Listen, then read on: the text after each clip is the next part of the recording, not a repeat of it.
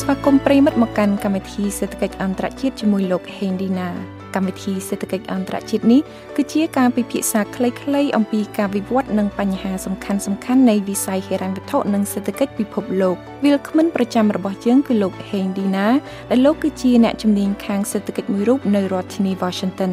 កម្មវិធីនេះចាក់ផ្សាយមួយដងក្នុងមួយខែរៀងរាល់ព្រឹកនិងរាត្រីថ្ងៃអាទិត្យ សម្រាប់ភាគទី3នៃកម្មវិធីនេះនាងខ្ញុំទេនសុកស្រីនិតអ្នកសម្របសម្រួលកម្មវិធីនឹងសាកសួរលោកឌីណាអំពីប្រធានបទស្ដីពីសេដ្ឋកិច្ចអាមេរិកជាមហាសេដ្ឋកិច្ចលេខ1សហរដ្ឋអាមេរិកមានឥទ្ធិពលទាំងផ្នែកការទូតយោធានយោបាយនិងសេដ្ឋកិច្ចស្របពេលជាមួយគ្នានេះសេដ្ឋកិច្ចអាមេរិកក៏មានបញ្ហាជាច្រើនដែលត្រូវដោះស្រាយ បន្ទាប់ពីមានវិបត្តិសេដ្ឋកិច្ចពិភពលោកឆ្នាំ2008មក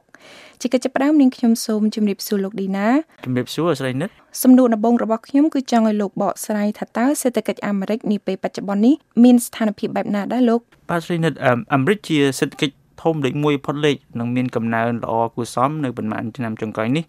កំណើននេះគ្រប់គ្រងដោយវិស័យសំខាន់សំខាន់ដូចជាបច្ចេកវិទ្យាសុខាភិបាលសំណង់ធុរកិច្ចនិងវិស័យលក់រាយជាដើម ការកាត់បន្ថយពន្ធការងើបឡើងវិញនៃការវិនិយោគក្នុងវិស័យឯកជននិងភាពងាយស្រួលក្នុងការទទួលអនុទាននៅក្នុងវិស័យឯកជនក៏ជួយកំណើនសេដ្ឋកិច្ចនេះផងដែរអឺយើងឃើញថាសេដ្ឋកិច្ចអាមេរិកប្រសិនបើវាស់ដោយផលទុនសរុបក្នុងស្រុកនោះមានទំហំ21.5 trillion ដុល្លារសហរដ្ឋអាមេរិកខណៈដែលចិនមានទំហំតែ14 trillion ដុល្លារសហរដ្ឋអាមេរិកតែប៉ុណ្ណោះហើយសេដ្ឋកិច្ចអាមេរិកក្នុងនេះធំជាងសេដ្ឋកិច្ចជប៉ុន4ដងអាល្លឺម៉ង់5ដង អង់គ្លេស9ដងនិងរុស្ស៊ី14ដងឯណោះចា៎សម្រាប់ចំណូលមធ្យមសម្រាប់មនុស្សម្នាក់ក្នុងមួយឆ្នាំគិតជាប្រាក់ដុល្លារវិញគឺថាអឺជនជាតិអាមេរិកម្នាក់ជាមធ្យមមានចំណូលជាង60000ដុល្លារសហរដ្ឋអាមេរិកក្នុងមួយឆ្នាំធៀបនឹងជាង40000ដុល្លារនៅជប៉ុនឬជាង9000ដុល្លារនៅនៅប្រទេសចិនហើយនៅឆ្នាំ2018នេះយើងឃើញថាសេដ្ឋកិច្ចអាមេរិកមានកំណើនក្នុងរង្វង់2.9%ក្នុងមួយឆ្នាំដែលជាកំណើនខ្ពស់គួរសម កំណើននេះមានន័យថាសេដ្ឋកិច្ចអាមេរិកកើនធំជាងមុនប្រហែល6000លានដុល្លារក្នុងមួយឆ្នាំហើយទំហំនេះវាស្មើចិត្តពាក់កណ្ដាលសេដ្ឋកិច្ចរុស្ស៊ីទាំងមូលឬចិត្តពីរដងនៃសេដ្ឋកិច្ចសង្ហបុរីទាំងមូលបើយើងនិយាយអំពីសេដ្ឋកិច្ចនិងពាណិជ្ជកម្មប្រទេសនីមួយៗគឺតែងតែមានភាពជាដៃគូពាក់ព័ន្ធគ្នាទៅវិញទៅមកដូច្នេះនេះខ្ញុំចង់ដឹងថាតើសេដ្ឋកិច្ចសហរដ្ឋអាមេរិកនឹងវាមានសារៈសំខាន់យ៉ាងណាដែរ សម្រាប់ប្រទេសនៅក្នុងតំបន់ក៏ដូចជាសេដ្ឋកិច្ចពិភពលោកបាទអាមេរិកជាក្បាលម៉ាស៊ីនមួយយ៉ាងសំខាន់សម្រាប់សេដ្ឋកិច្ចពិភពលោកអាមេរិកបន្តអូសទាញបណ្ដាសេដ្ឋកិច្ចជាច្រើនក្នុងពិភពលោកតាមរយៈពាណិជ្ជកម្មវិនិយោគនិងលំហូរមូលធន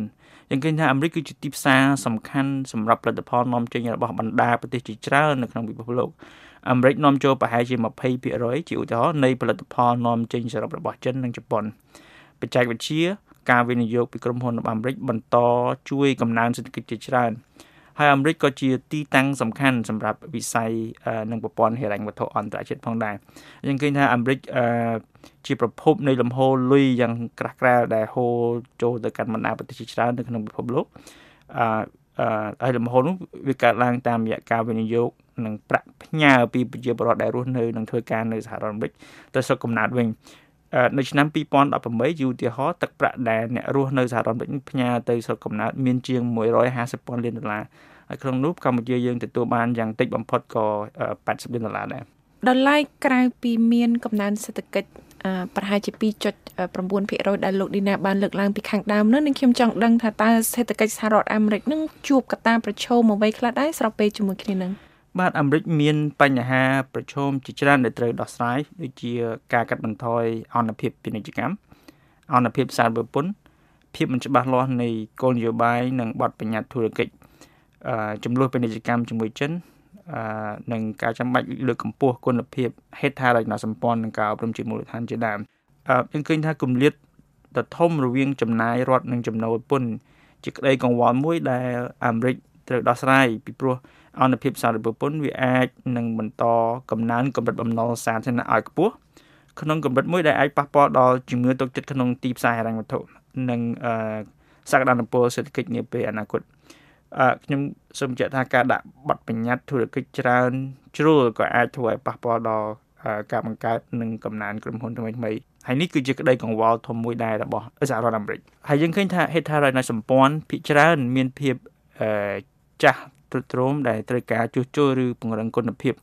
អឺហើយហេដ្ឋារចនាសម្ព័ន្ធបើយើងមើលតាមរដ្ឋផ្សេងៗឃើញថាភាគច្រើនត្រូវបានសង់ឡើងនៅទសវត្សរ៍ឆ្នាំ70និង80ទោះបីជាមានភាពខ្លាំងនៅក្នុងវិស័យអប់រំជាពិសេសថ្នាក់មហាវិទ្យាល័យក៏ដោយយើងឃើញថាការអប់រំជាមូលដ្ឋាននិងថ្នាក់បណ្ដុះបណ្ដាលវិជ្ជាជីវៈនៅអាមេរិកនឹងត្រូវការពង្រឹងដើម្បីបង្កើនផលិតភាពឲ្យសមស្របទៅនឹងការផ្លាស់ប្ដូររចនាសម្ព័ន្ធសេដ្ឋកិច្ចថ្មី ដែលពឹងផ្អែកទៅលើបច្ចេកវិទ្យាថ្មីថ្មីហ្នឹងហើយសប្តាហ៍ថ្ងៃយើងឃើញថាអាមេរិកបើសិនបើយើងមើលបន្ទុកប្រឡងដែលគេធ្វើក្នុងវិទ្យាល័យដើម្បីតេស្តសមត្ថភាពហ្នឹងឃើញថាអាមេរិកនៅជាប់លំដាប់ទី15ទៅ20ឯណោះចាកាលពីភាគមុនយើងក៏បានពិភាក្សាគ្នាអំពីបំណុលដូច្នេះនឹងខ្ញុំចង់ឲ្យលោកឌីណាបកស្រាយពីកម្រិតបំណុលរបស់សហរដ្ឋ អាមេរិកបន្តិចហើយថាតើកម្រិតបំណុលរបស់សហរដ្ឋអាមេរិកនឹងខ្ពស់ឬក៏វាអាចប៉ះពាល់យ៉ាងណាដែរដល់សេដ្ឋកិច្ចអាមេរិកខ្លួនឯងបាទបំណុលសាធារណៈដែលជំពាក់ដោយរដ្ឋាភិបាលសហព័ន្ធអាមេរិកហ្នឹងគឺស្មើនឹង22 trillion ដុល្លារឬជាង100%នៃទំហំសេដ្ឋកិច្ចបច្ចុប្បន្នកម្រិតបំណុលនេះយើងឃើញថាវាខ្ពស់គឺដោយសារចំណាយរដ្ឋធំជាងចំណូលដែលចាប់ផ្ដើមខ្លាំងជាពិសេសតាំងពីរដ្ឋកាលលោក Bush និងបន្តដោយរដ្ឋការអូបាម៉ានិងដូណាល់ត្រាំសប្តាហ៍ថ្ងៃនេះប៉ុន្តែស្របពេលជាមួយគ្នាយើងឃើញថាប្រទេសជាច្រើន បានបន្តឲ្យអាមេរិកខ្ចីខ្ចីក្នុងការប្រាក់ទាបបំផុតដោយសារប្រទេសទាំងនោះរួមមានចិននិងជប៉ុនជាដើមនឹងទិញមូលបត្របំណុលអាមេរិកដែលជាឧបករណ៍ហិរញ្ញវត្ថុមួយដែលមានសុវត្ថិភាពបំផុតក្នុងទីផ្សារហិរញ្ញវត្ថុសម្រាប់ការវិនិយោគប្រាក់បំរុងបរទេសសម្រាប់ប្រទេសទាំងអស់នេះអឺហើយយើងឃើញថាសម្រាប់អាមេរិក កម្ចីក្នុងកម្រិតការប្រាក់ទាបបែបនេះមិនអាក្រក់ពេកទេអឺប្រសិនបើកលេចមើលទៅទ្រព្យសកម្មរបស់អាមេរិកនិងផលកម្រៃដែលអាមេរិកទទួលបានពីការប្រាស់ប្រើប្រាស់ប្រាក់កម្ចីទាំងនេះសម្រាប់ការវិនិយោគលើហេដ្ឋារចនាសម្ព័ន្ធសុខាភិបាលនិងអប់រំជាដើមនាពេលបច្ចុប្បន្នយើងឃើញថាកម្រិតបំណុលនេះពុំទាន់មានភាពប៉ះពាល់ខ្លាំងទេសម្រាប់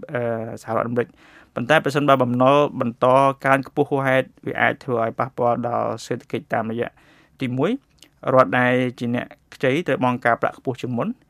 ដែលកត្តានេះវាអាចប៉ះពាល់ដល់ការចាយឬចំណាយជាមូលដ្ឋានសំខាន់ៗដូចជាអប់រំស្រាវជ្រាវសុខាភិបាលនិងហេដ្ឋារចនាសម្ព័ន្ធជាដើមហើយទី2ទៀតយើងឃើញថា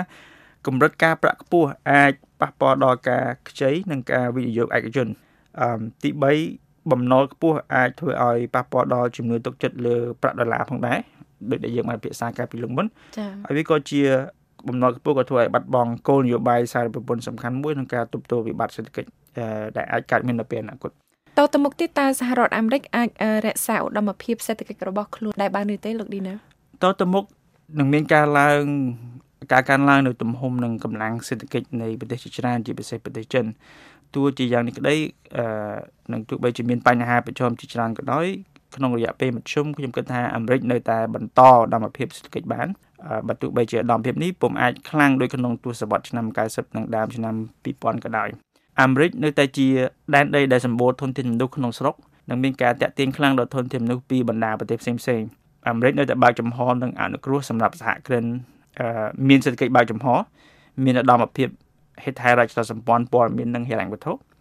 មានគុណភាពស្ថាប័ននិងស្ថិរភាពនយោបាយរឹងមាំជាឧទាហរណ៍ក្នុងចំណោមសាកលវិទ្យាល័យទាំង20ដែលល្អនិងខ្លាំងបំផុតនៅទូទាំងពិភពលោកហ្នឹង15សាកលវិទ្យាល័យជារបស់អាមេរិកហើយសិស្សឆ្នើមទាំងកូនអ្នកមានរបស់ចិននៅតែចង់មករៀននៅអាមេរិកដែរចា៎វិស័យហិរញ្ញវត្ថុរបស់អាមេរិកវិញយើងឃើញថាក្តោបក្តាប់ជាងពាក់កណ្ដាលនៃទីផ្សារហិរញ្ញវត្ថុពិភពលោកទីផ្សារពិហុនអាមេរិកធំជាងទីផ្សារអឺរ៉ុប3ដង និងទីផ្សារចិន4ដង ក្រុមហ៊ុន Alibaba បោះចិនល្បីហ្នឹងក៏បានបោះភាគហ៊ុននៅទីផ្សារអាមេរិកដែរមិនមែនបោះនៅចិនទេ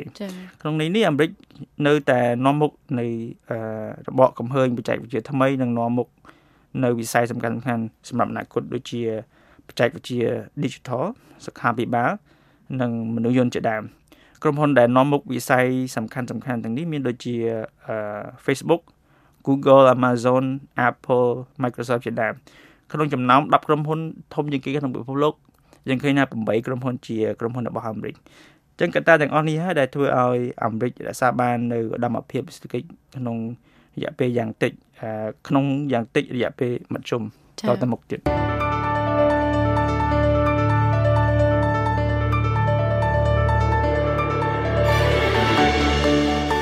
កកម្មវិធីសេដ្ឋកិច្ចអន្តរជាតិរបស់ VOA ជាមួយលោកហេងឌីណាសម្រាប់ខែមិថុនានេះសូមលាប្រិមិត្តត្រឹមតែប៉ុណ្ណេះនៅខែកក្កដាកម្មវិធីរបស់យើងនឹងនាំជូនការពិភាក្សាអំពីសេដ្ឋកិច្ចចិនលោកអ្នកនាងក៏អាចស្ដាប់ភាគផ្សេងៗនៃកម្មវិធីសេដ្ឋកិច្ចអន្តរជាតិរបស់យើងតាមគេហទំព័រ khmer.vanews.com/worldeconomics និងតាម Facebook facebook.com/voa ខ្មែរគណៈពេលនេះនាងខ្ញុំទេនសុកស្រីនិតអ្នកសម្របសម្រួលកម្មវិធីសូមជម្រាបលាប្រិមិត្តត្រឹមតែប៉ុណ្ណេះជួបគ្នានៅខែក្រោយ។